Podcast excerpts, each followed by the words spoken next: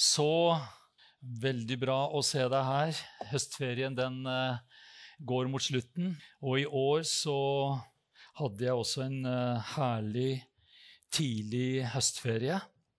Og det er bra ferie, er det ikke det? Og de siste åra jeg har hatt uh, ferie nå, så har jeg hatt det privilegiet å brukt masse tid sammen med, med Herren. Høre inn masse undervisning og, og brukt eh, timevis eh, bare ved å lytte inn.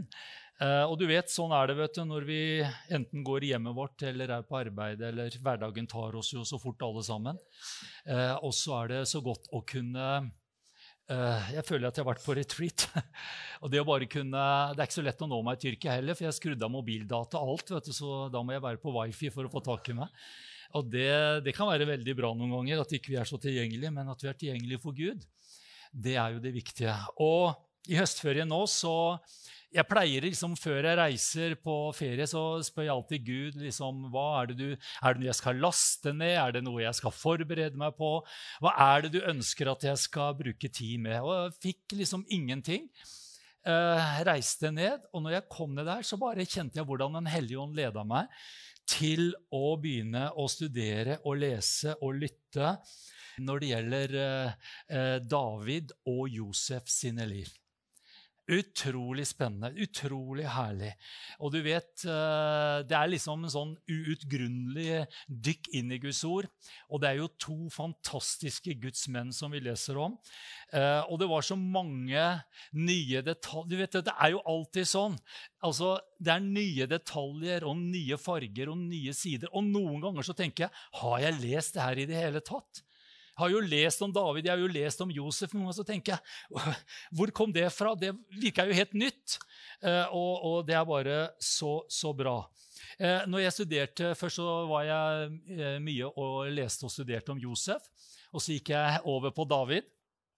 Og da så jeg jo at det var så utrolig mange likheter i livet til både Josef og Daniel. I was amazed. Eh, altså, eh, begge to var rundt 17 år gamle når Gud begynte å tale til dem. Og eh, Josef han var 17 år, rundt 17 år, pappas favoritt. Pappa Jakobs favoritt. Han var eh, sønn av favorittkona Rakel som han hadde kjempa ganske hardt for å, for å, få. Så det var liksom et favorittstempel på Josef. Han hadde fått en bedre kappe enn brødrene sine. Han var en favoritt. Josef. Men han fikk noen drømmer rundt alderen 17 år. Og jeg tenker, det er jo ganske Altså, jeg var ikke helt der når jeg var 17, for å si det sånn. Jeg drev med helt andre ting. Men Josef han begynte å få noen drømmer, og de var jo ganske spesielle. Først så fikk han en drøm om eh, noen kornbånd. Hvor mange er det som pleier å drømme om kornbånd her? Ikke veldig mange. Men han drømte om kornbånd. Og så ble de sanka sammen, og så reiste kornbåndet til Josef seg. Og så bøyde elleve andre kornbånd seg for dette ene kornbåndet. Og han klarte jo ikke å la være. Han måtte fortelle drømmen til brødrene sine. Og de var ikke dummere enn at de regna vi er tolv. Josefs kornbånd reiste seg. Det var elleve andre som bøyde seg. Det er oss. Den jyplingen, altså. Josef kommer her og legger ut. Men, men de, de skjønte hva han mente. Og da, jeg tenker Den reaksjonen som Josef fikk, det var liksom ikke 'Come on, good preaching'. Stå på, Josef, dette var herlig. Han kjente jo med en gang dette var ikke, dette var ikke Det var ikke noe silkeføre på den drømmen, for å si det sånn. Men så er han jo så frimodig. Heller noen vil si han hadde så brekte antenner. Han får en ny drøm. Og så er han like frimodig. Jeg elsker det der. Det er så anti-jantelov som du kan komme og tenke på. Så kommer Josef. 'Kom her, brødre! Kom, kom!' Og nå er det i gåseøynene en enda verre drøm. For nå drømmer han om stjerner, sol og måne. Og så forteller han da brødrene sine at både sola og månen og, og kommer, og elleve stjerner bøyde seg for ham.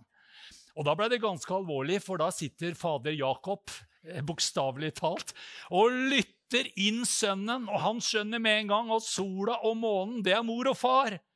Det er Jakob og, og Rakel som også bøyer seg for Josef. Og da kjenner faderen at nå må du bare ta seg tak. Hva er dette her for noe, Josef? Hva er det du holder på med?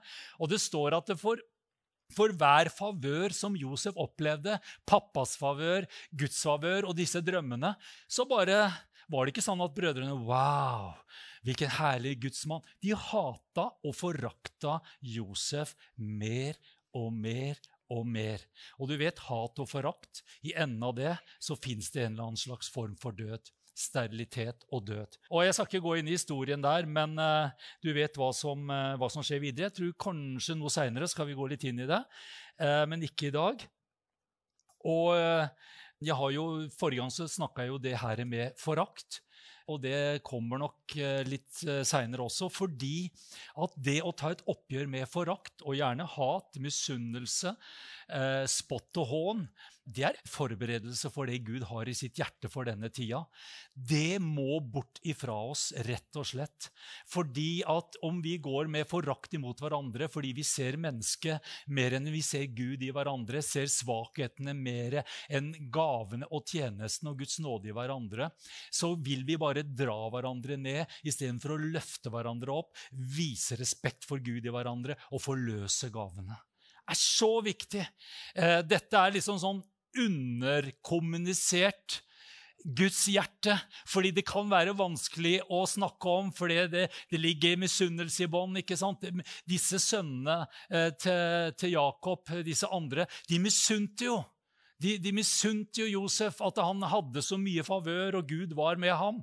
Og Det samme var det med David. Han var 17 år da Samuel salvet han til konge. 17 år gammel var han. Og han eh, gikk der ute og, og, på samme måte som eh, det var ingen selvfølge at det var Josef som på en måte skulle ha disse drømmene. Det var jo Ruben som var eldstesønn. Det var liksom han som skulle ha, ha, ha liksom pakka. For, eh, for, David, altså faren til David, Isai, han eh, er jo når Samuel kommer, profeten Samuel kommer og sier 'Jeg skal salve en av dine sønner til konge'. Det første han tenker på, er jo ikke David. Han tenker 'Her må, må Eliab komme'. Eliab, eldstesønnen min, han, og han var flott å se på. Det var uh, fullkomment, mer eller mindre. Men, uh, men uh, Paul, og Samuel er kjempeklar til å salve, men han bare hører Herren sier, 'Jeg har forkastet ham'. Det er ikke han. Og så går de gjennom rekka. ikke sant? Og så blir det til slutt Det er ikke noe flere. Jo, vi har en liten David ute på jordene som gjeter fårene. Send ham. Ikke sant? Og, og, så kommer han inn der, og så så blir han salva til konge, 17 år gammel. Og så kan du tenke 'glory, hallelujah'. Nå begynner, nå begynner herligheten. Nå, nå, er det rett ut i tjeneste, og nå er det bare å flyte på salvelsen og kraften og alt som var. Men begge to Det er så artig å se parallellen i Josef og David sine liv. De fikk 13 steintøffe år før de virkelig kom inn i det som de både drømte, visjonerte og ble salva til å gjøre. Begge to tok det 13 år for. Jeg skal ikke gå i detaljene eller inn i det, men dere vet hvordan de møtte på forakt, på hat, misunnelse. De, de, er, det, er, det, noen som skulle være skuffa på Gud og mennesker, så er det David og, og Josef. Fikk liksom drømmer og visjoner, og så ser det ut som det bare går skikkelig nedforbakke. Alt blir veldig annerledes. Og de møtte på så utrolig mye urettferdighet at de hadde tusen grunner for å si 'jeg gir opp'. Er det noen som kjenner seg igjen? Men da de var rundt 30 år, begge to, så begynte de i den tjenesten de, som de var utvalgt og salvet til. Men jeg tenker, altså når de leser om David og Josef, så har de en sånn utrolig frimodighet. Altså, de lar seg ikke duppedere, som man sier på godt eh, et eller annet norsk. De lar seg ikke stoppe.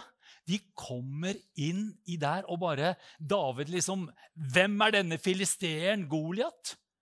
Liksom, han, han, har en sånn djervhet og frimodighet, både Josef og David. De bare, de bare går på. Jeg bare syns det er helt fantastisk eh, å se dette her. Og, når du leser om Josef, så kan du si kanskje han kunne sagt ting litt annerledes. og Du vet at vi blir så humanistiske. vet du.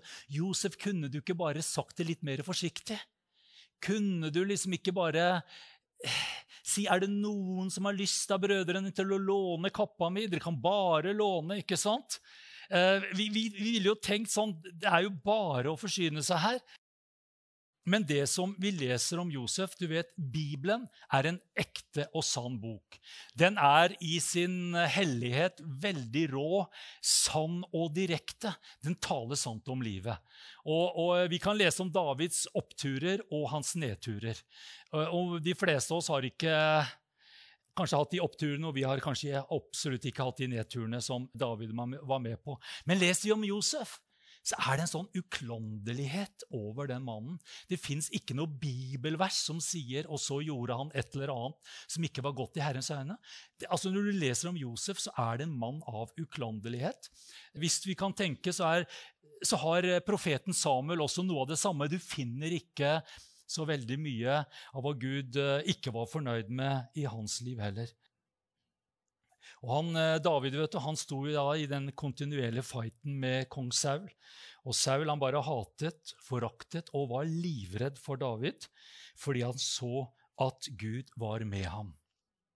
Og så har jeg tenkt på en ting.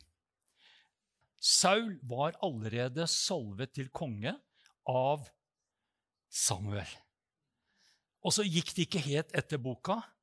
Og så får Samuel et oppdrag på nytt å salve en ny konge i Israel. Og da ble det David. Og vet du hva jeg tenkte på? Vet du hva?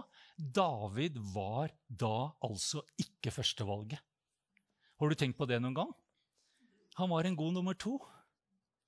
David var ikke førstevalget, det var Saul. Jeg vet ikke om du har tenkt på det, men da tenkte jeg også Jeg var heller ikke førstevalget i denne menigheten, for å si det sånn. Jeg var en god nummer to. Men det fins mye godt der òg, skjønner dere. Håper jeg. Ja, men Du vet, Saul som førstevalg han hadde alle kvalitetene som skulle til for å, være, å bli en fantastisk konge. Han var et hode høyere enn alle andre. Han var sterk, han var vakker, han, han hadde visdom. Han, Gud var med ham. Og Jeg har skrevet her, så at du skal skjønne det eh, enda mer. Du vet at alle her, hvis jeg spurte har du lyst til å være førstevalg, andrevalg eller tiendevalg Du vet, eh, når vi sto i skolegården og skulle velge lag, så var det alltid spennende å se hvem er som først ble valgt på laget. Var det fotball, så, eh, så visste jeg at eh, jeg kom langt ned. Jeg var ikke førstevalget. Og jeg var langt ned, og så kom det Og så tar vi Runar, kan du gå i mål? For jeg var utrolig god til å kleive, som vi sier på grenlandsk. Vet du hva det er å kleive? Jeg felte den ene spilleren etter den andre. Jeg bomma ballen og traff godt beina. Jeg var livsfarlig motstander, så de ville gjerne ha meg med på laget.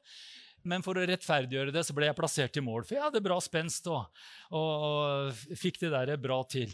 Du vet, alle vil være førstevalg. Eh, og hvis Gud sier til deg 'Å, du kjære bror og søster, du er mitt trevalg. Halleluja. Så vi, blir nesten forvirra. Eh, for å få det veldig tydelig for deg, så jeg, som jeg har skrevet her Hvis kona di kom og sa at du var hennes fjerdevalg, ville du ropt 'yes'? Nei, det er jo ingen som lengter etter å høre det. Å, det var så sterkt kona mi fortalte meg en åpenbaring her. Jeg var fjerdevalget hennes. Jeg var tre føre, liksom det er jo ikke noe gøy. Men, men uh, vi vil jo alle være, være førstevalg. eller at en kamerat eller venninna di kom og fortalte deg at det egentlig var det ti stykker føre som de egentlig kunne tenkt seg å være venn med før deg. Da kjenner du ikke liksom veldig verdsatt, gjør du det? Nei. Og uh, jeg bare hørte sånt vitnesbyrd om en herlig amerikansk predikantinne, altså en kvinnelig predikant, i Amerika på 60-70-tallet. Er noen som hørte om Catherine Kuhlmann? Ja. Hun opplevde at Den hellige ånd viste henne noe. Om det var et syn eller et eller annet hun fikk i hjertet sitt, det vet ikke jeg. Men hun opplevde at Gud hadde spurt åtte-ni menn føre henne om den tjenesten som hun gikk inn i. Alle mennene som Gud hadde spurt om føre, hadde sagt nei, kommet med alle forklaringene som du og jeg er flinke til å finne, for hvorfor ikke de skulle gå inn i tjenesten. Det var for mye, for hardt, for vanskelig. Var, du vet alt det der der. Åtte-ni mennesker føre. Da kunne jo Kertin Kuhlmann blitt litt sur når hun sa det, tenkte at ikke jeg var Guds førstevalg. Men du skjønner, Gud vet du, han, han, han, gjør, han reiser opp hvem han vil, når han vil. Skjønner du? Og når Gud reiser opp en mann og kvinne, om det er tiende valg eller 25. valg, så gjør Gud noe helt fantastisk. Han gjør deg til nummer én. Han gjør deg alltid til nummer én. Halleluja. Ikke for at du skal liksom bli så voldsom, eller noe sånt, men fordi at det han utvelger seg, det som ingenting er i denne verden, det som ikke kan rose seg av noe annet, bare Jesus og avhengigheten av ham. Du vet, der gjør Gud noe suverent. Og han kan reise, som det står i en gammel oversettelse, han kan reise den ringa støvet. Det synes jeg er et herlig ord. Det er blitt ute av vårt vokabular. Men han reiser det som ingenting er, og gjør det til nummer én. Hvorfor det? Fordi at han ønsker å være nummer én gjennom ditt og mitt liv. Bare æren til Jesus, ikke sant? Halleluja. Jeg har fortalt det noen ganger, men nå blir det for n-te gang. Men det får du bare holde ut. Du vet, eh, Vår kjære venn, noen av dere kjenner jo han, Åge Åleskjær. Han fortalte om eh, var det 2. januar bak Frikirken i Halden, et eller annet. Så ble han åndsdøpt. Vi kunne det nesten, det var en stund siden jeg hørte, men jeg kunne det på rams. Jeg kunne klokkeslettet, og det, jeg visste hvor kaldt det var. Hæ? Kvart over ni, ja. Bak Frikirken i Halden, gnistrende vinternatt. Det var kaldt. da. Han har sagt minusgrad nå, men det har jeg glemt. Eh, hæ? Var det ti? Ti minus, et eller annet. Men det var, det var en uh, før- og etteropplevelse som uh, Åge hadde der. Min hadde jeg andre påskedag 1980 Jeg har ikke fortalt den så mange ganger, nei. Det er bra. 1986. Uh, det var den dagen Gud kalte meg til tjeneste. I en alder av 22 år. Så sitter jeg, kommet akkurat fra fjellet brun og fin, som jeg nesten er nå også, med hvit høyhalsa pologenser, og gleda meg veldig til vi ungdommene skulle ut etter møtet. Jeg kunne ikke vente fort nok til det møtet skulle være over. Og der sitter jeg og hører Elisabeth Lie Wahl. Eh, hun sto oppå der og forkynte om en lysestake med noe olje som fløyt både hit og dit. Jeg skjønte absolutt ingenting. Og Hun snakka om noen tjenester, det var, men det hun snakka om, det var jo tjenestegavene. Jeg skjønte ingenting, for det var olje som fløy ut og inn og opp og ned, og det tentes, og det var jeg, Altså, jeg skjønte absolutt ingenting. Eh, men kjente at det var faktisk altså Det må jeg bare si. Om ikke du skjønner noe med huet ditt, så kjenn etter. Du, det er ikke alt du trenger å skjønne. Jeg kjente det gjorde noe inni meg, så jeg ble nesten forvirra. Jeg kjente det var jo deilig å høre, hvis du kan bruke det uttrykket, eh, som en 22-åring. Jeg syntes det var deilig å høre, men jeg skjønte ikke hvorfor jeg syntes det var deilig. For jeg skjønte ingenting. Amen. Og Derfor skal vi være så klar over det at når barnet er på møte, så må vi ikke tenke at de må skjønne og de må skjønne. De bør ikke skjønne noen ting. Jeg har vært på møter ikke skjønt noen ting, men én ting har jeg skjønt. Jesus er der. Jeg har kjent atmosfæren, jeg har kjent Guds nærvær.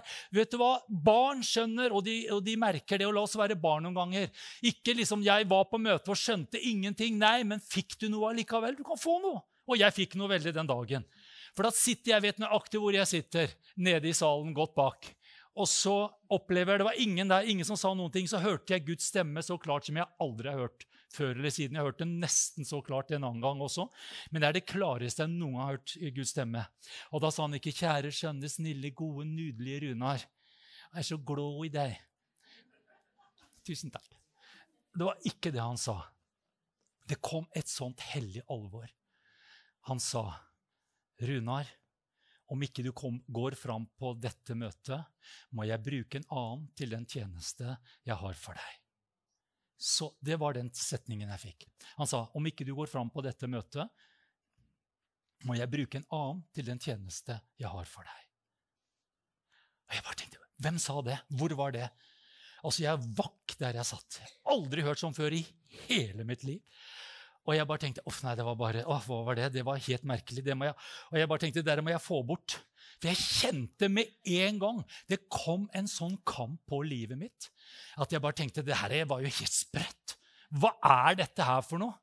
Har jeg spist for mye Kvikk Lunsj i påska? Hva var det som skjedde? Og Jeg bare tenkte, jeg må bare riste av, og jeg må få bort å, de der følelsene. Og jeg, jeg bare rydda så godt jeg kunne. Så satt jeg med så kjente jeg, at nå slapp det litt. skjønner du? Da ble det, å, det, å, kjære Gud, det var godt. nå. Så kom stemmen for andre gang. Sa nøyaktig det samme. Om ikke du går fram på dette møtet i kveld, må jeg bruke en annen til den tjeneste jeg har for deg. Da bare visste jeg. Dette var ikke Kvikk Lunsj, dette var Gud. Og da kjente jeg et sånt Jeg kunne ikke riste dama, for jeg visste nå, Runar, nå er det alvor. Og jeg skal love deg en ting. Det siste jeg tenkte på, det var tjeneste når jeg satt der. Men det jeg tenkte på, det var at det var en Gud som hadde talt til meg og sagt noe fryktelig alvorlig som gjorde at nå hadde jeg et valg. Og jeg skjønte at nå var det en guddommelig tid. Det var en kairos. Det var et åpent himmelsk vindu som åpna seg for meg, som ville være åpen for en tid, og så ville det stenges. Det var en sesong for meg der og da. Kunne Gud ha gjort gode ting i mitt liv etterpå? Absolutt. Kunne jeg flyte og være med i det Gud gjør? Absolutt. Men der og da så var det et kairos. Gud er nådefull, men det var et åpent himmelsk vindu som jeg kunne si ja eller nei til. Det er alvoret. Og jeg bare kjente leken er over. Det var her var ikke tull. Og jeg bare kjente en sånn Og jeg skal love deg, det var så kamp inni meg. Og jeg fortalte før, ikke sant, Runar Wold gikk aldri fram på et møte. Han bøyde aldri kne, han løfta aldri hender, han gjorde ingenting. Han var bare gøyal og morsom og blid. Det var min image. Jeg visste hvis jeg går fram nå, så ødelegger jeg alt jeg har bygd opp. Alt! Det går i ras. Og jeg bare, jeg, jeg bare tenkte Gud, det her, Men jeg kjente det var ingenting å riste av. Jeg hadde bare et valg. Ja eller nei. Og Gud kom ikke sånn 'Å ja, jeg skjønner at det er vanskelig for deg, gutten min.' 'Ja, jeg ser din kamp.' Det var bare helt stille. Jeg bare visste. Nå er det opp til meg. Det er mitt ansvar. Og sånn er det Gud gjør. Han sitter ikke og, og, og køler oss fram. Han går og koster og koster og koster. og så tar vi bort alle hindringene, og så koster vi, og så koster vi. Altså, for å, ja, altså Han gjør det også på en måte, altså, men når det kommer til ting som han på en måte sier du må reise deg. Du må ta et ansvar. Du må bestemme deg. Så, så overlater Gud det til deg, for han har så respekt for oss. Han har så respekt for dine valg. Han vil at det du gjør, det gjør du ut ifra frivillighet. Det gjør du ut ifra at du har bestemt deg. Amen. Så Gud tar oss på alvor, og jeg kjente jeg aldri kjente så Guds alvor noen gang. Eh, og for meg så reiste jeg meg opp på det møtet. Fordi jeg våget ikke noe annet. Og for meg så er det sann gudsfrykt. For det, der, den, det med den tjenesten, det tenkte jeg ikke på engang. Jeg skjønte ikke hva det var. Det var ikke viktig for meg engang. Det som var viktig for meg, det var å lyde Gud. Absolutt. Jeg var ikke sånn 'Å, Gud, jeg må ha en tjeneste til.' Å, jeg tjenesten min til. Jeg tenkte ikke på noen tjeneste da jeg var 22-22 år. altså. Jeg tenkte på å reise på restaurant etterpå. Det var det jeg tenkte på. Det var i mine tanker tjeneste. Det var så far away. Aldri tenkt noen gang! Og så bruker Gud sånne ord og setter meg på et sånt valg.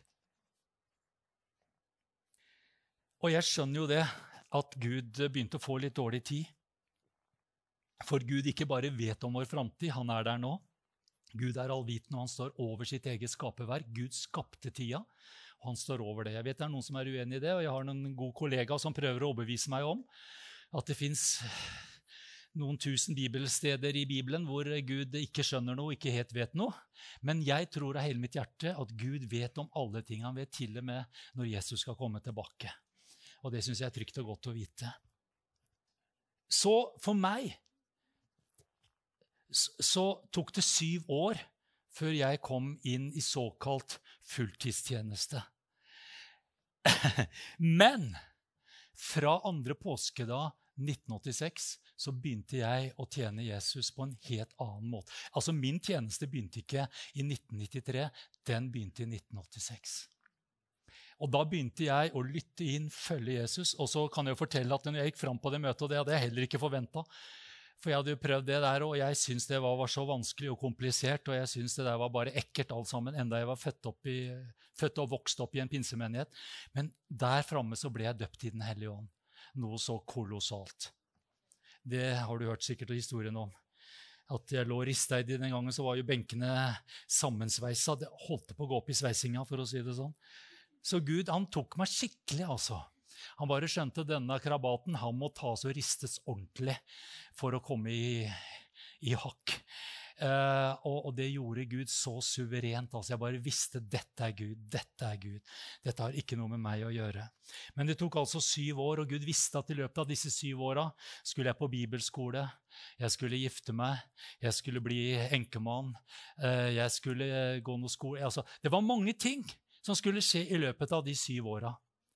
Uh, sånn at i 1993, da hadde jeg fullført bibelskolen bort i Uppsala andre året, så hadde jeg bare lytta inn Gud hele veien på mine valg.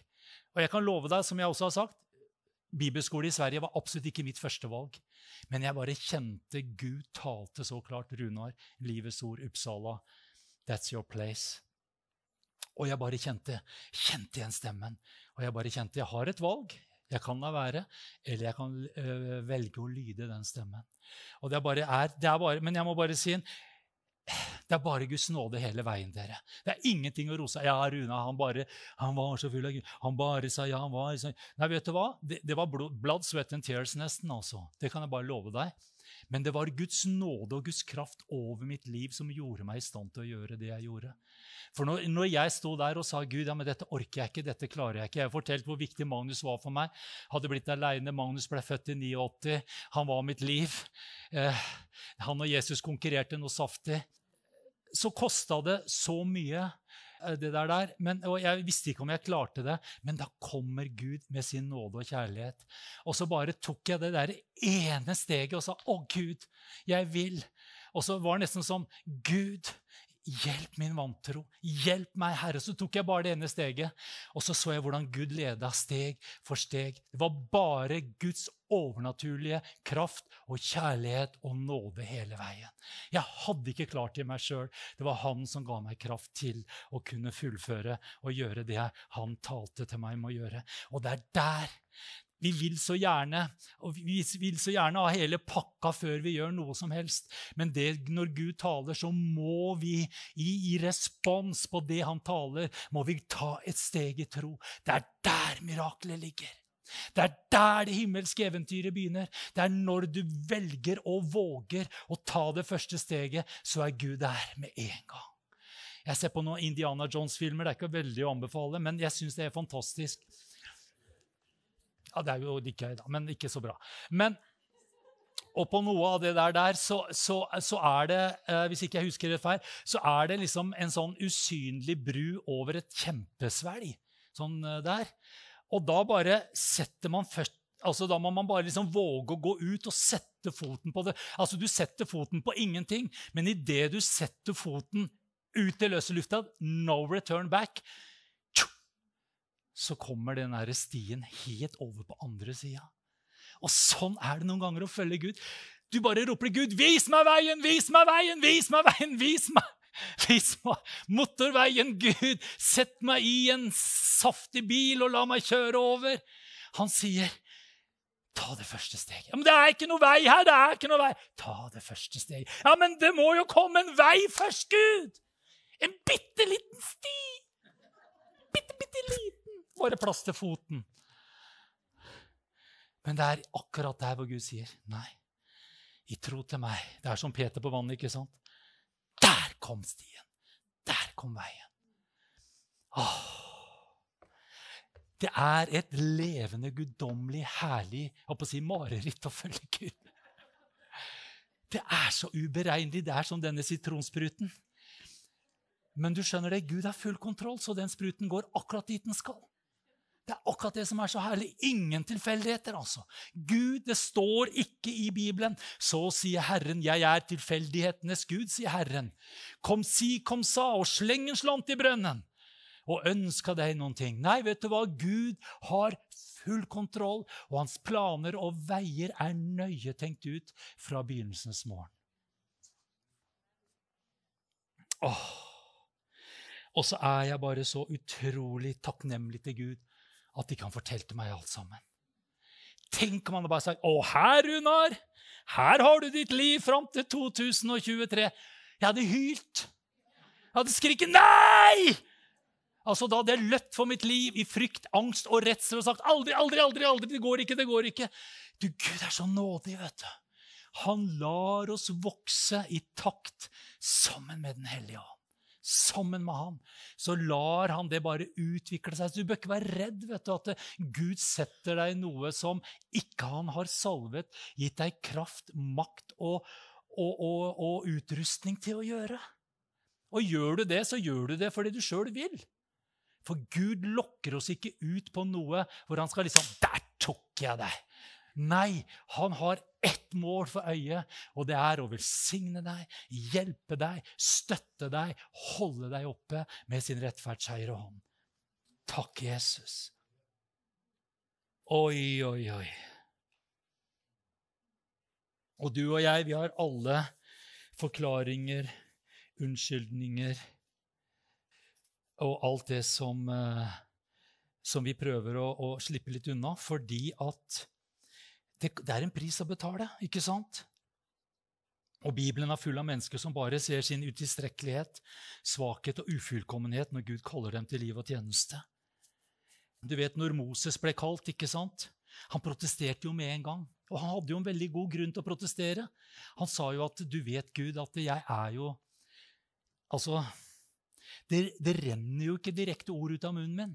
Han var tung i tale. Jeg vet ikke, jeg syns det er nesten bedre å si han var tung i tale, men han var tung i tale. Han hadde problemer med å ordlegge seg, og det gikk treigt. Eh, jeg ser jo at eh, Hvis ikke jeg gjør sånn nå, så vil jo kanskje noen sovne her òg. Men altså, Trengte du ei sovepille den gangen, kanskje, så bare kalte du på Moses. 'Moses, kan ikke du bare stå og snakke litt her?' Så sovna jeg fort.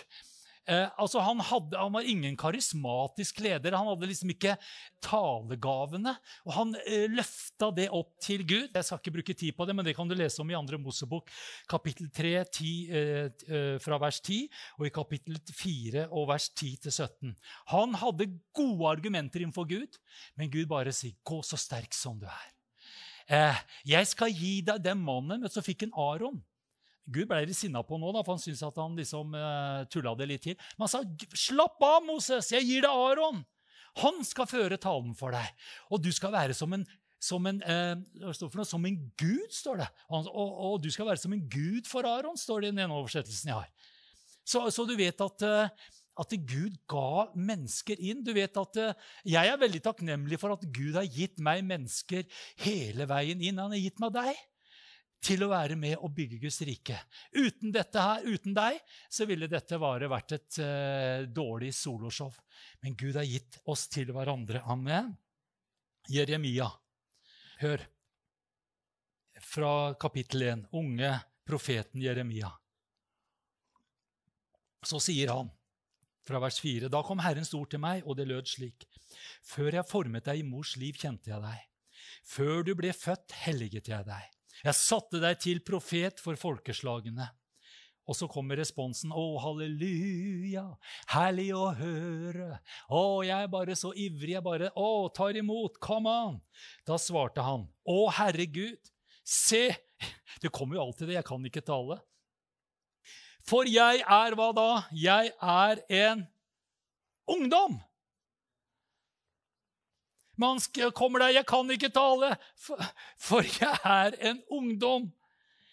Og så sier Gud, 'Ja, det visste jeg ikke! Selvfølgelig, du er en ungdom! Så dum jeg var!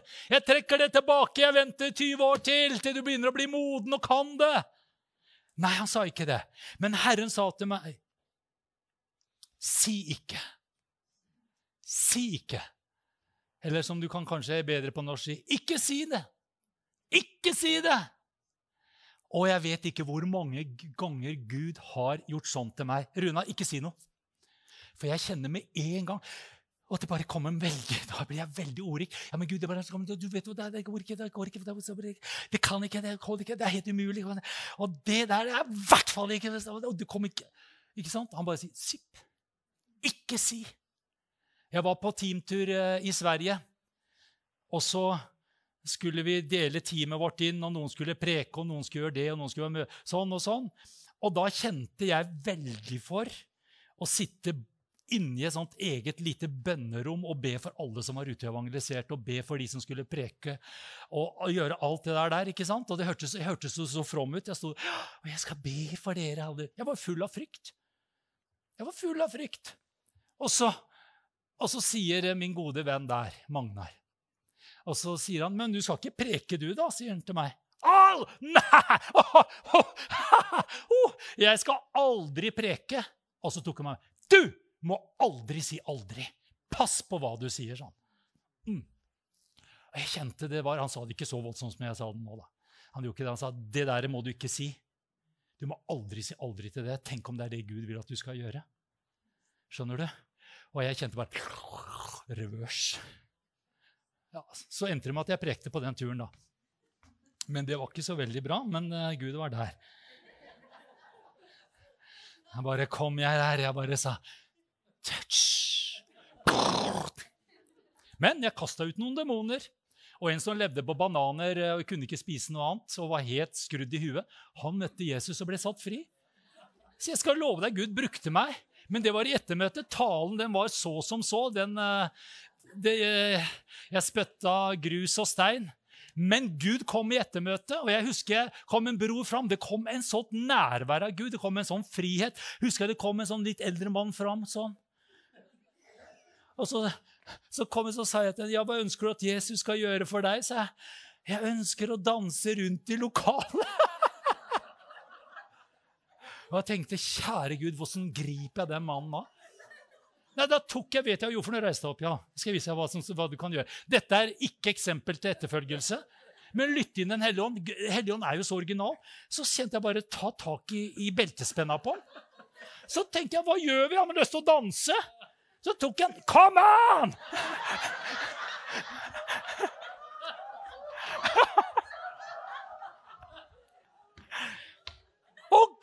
Gamlefar han snurra gjennom hele lokalet. Ikke bare én gang, men mange ganger.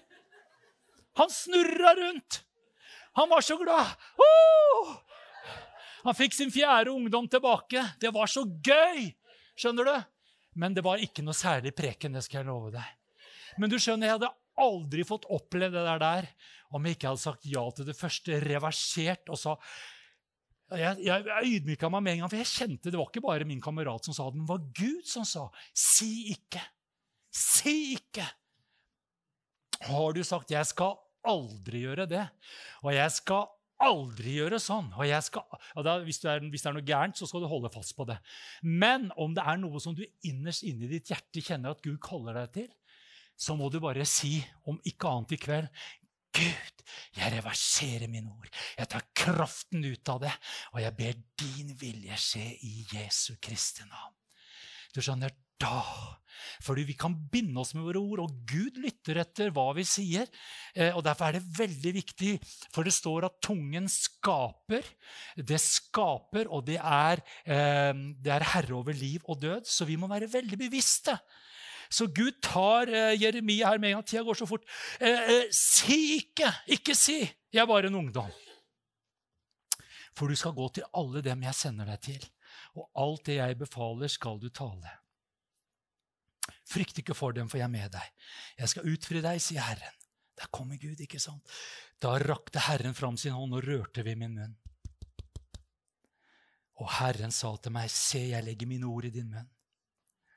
I, i 1. Timoteus brev 4,12 så står det La ingen forakte deg fordi du er ung.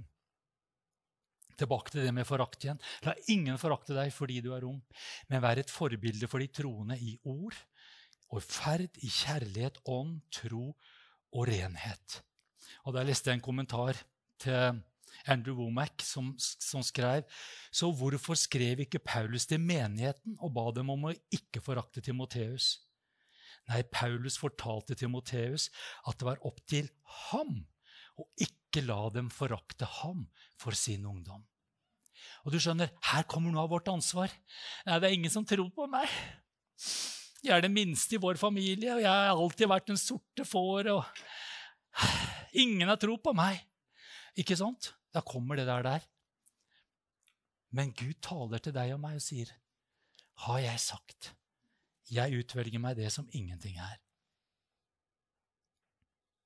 Gideon Jeg kan ikke bruke for mye tid. Gideon Herrens engel viste seg for ham i Dommernes bok 6.12. Herren er med deg, du mektige kriger. Tenk å høre Herren sier det.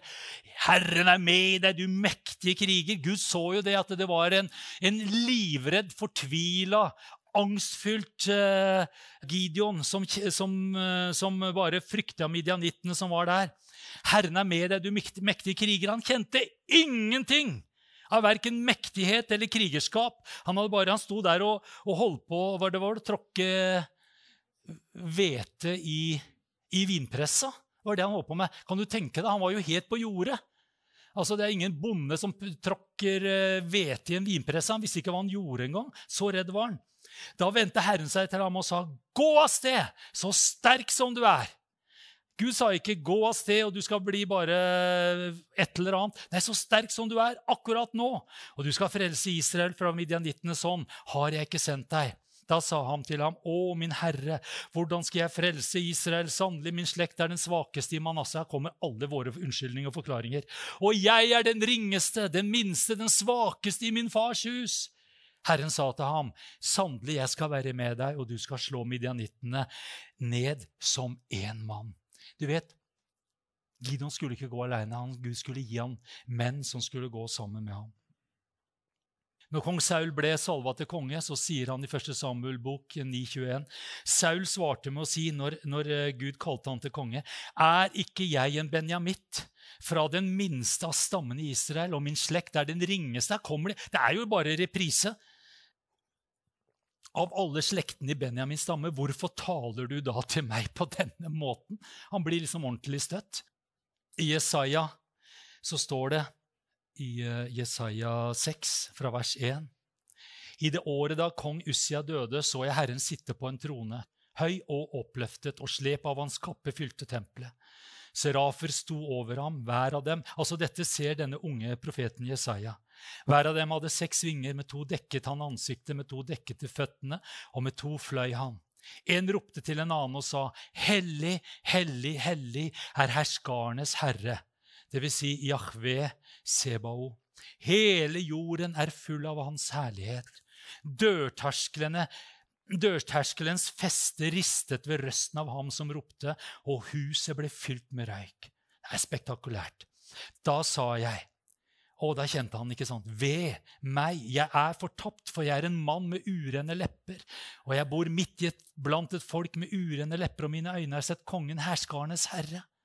Han bare kjente på så han var jo, altså, Dette er jo den gamle pakt òg, men han, han, bare kjente seg så uverdig. Han bare så sin tilkortkommenhet og sin urenhet.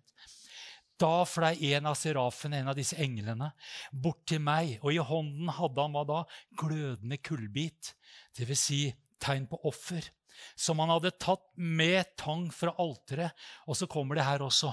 Så rørte han ved min munn og sa, Se, denne har rørt ved dine lepper. Og så kommer det liksom, så føler jeg at vi liksom bare går rett inn i den nye pakt, nesten. For da kommer det 'Dine misgjerninger er tatt bort, og din synd er dekket over'. Da hørte jeg Herrens røst som sa, så kommer det 'Hvem skal jeg sende, og hvem vil gå for oss?' Da svarte jeg, 'Her er nøkkelen. Se, her er jeg. Send meg.' Se, her er jeg. Send meg.